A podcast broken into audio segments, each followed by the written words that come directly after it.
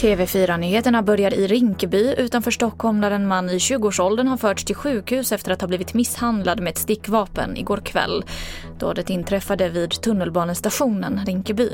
En man, även han i 20-årsåldern, har gripits för misshandel och är misstänkt för försök till mord.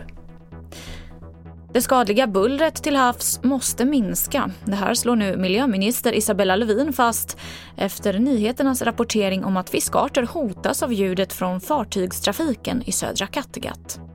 Jag ser med stor oro på hur människans aktiviteter och ökade aktiviteter i väldigt begränsade områden påverkar havsmiljön. Och jag avslutar med att berätta att Michael Jacksons omtalade ranch Neverland nu slutligen har sålts mer än tio år efter popstjärnans död. Köparen, som är en före detta vän till Jackson, har betalat 22 miljoner dollar för Neverland. Och det här är rena reapriset jämfört med när fastigheten annonserades ut för första gången år 2015 för 100 miljoner dollar. Och det var det senaste från TV4 Nyheterna. Jag heter Emily Olsson.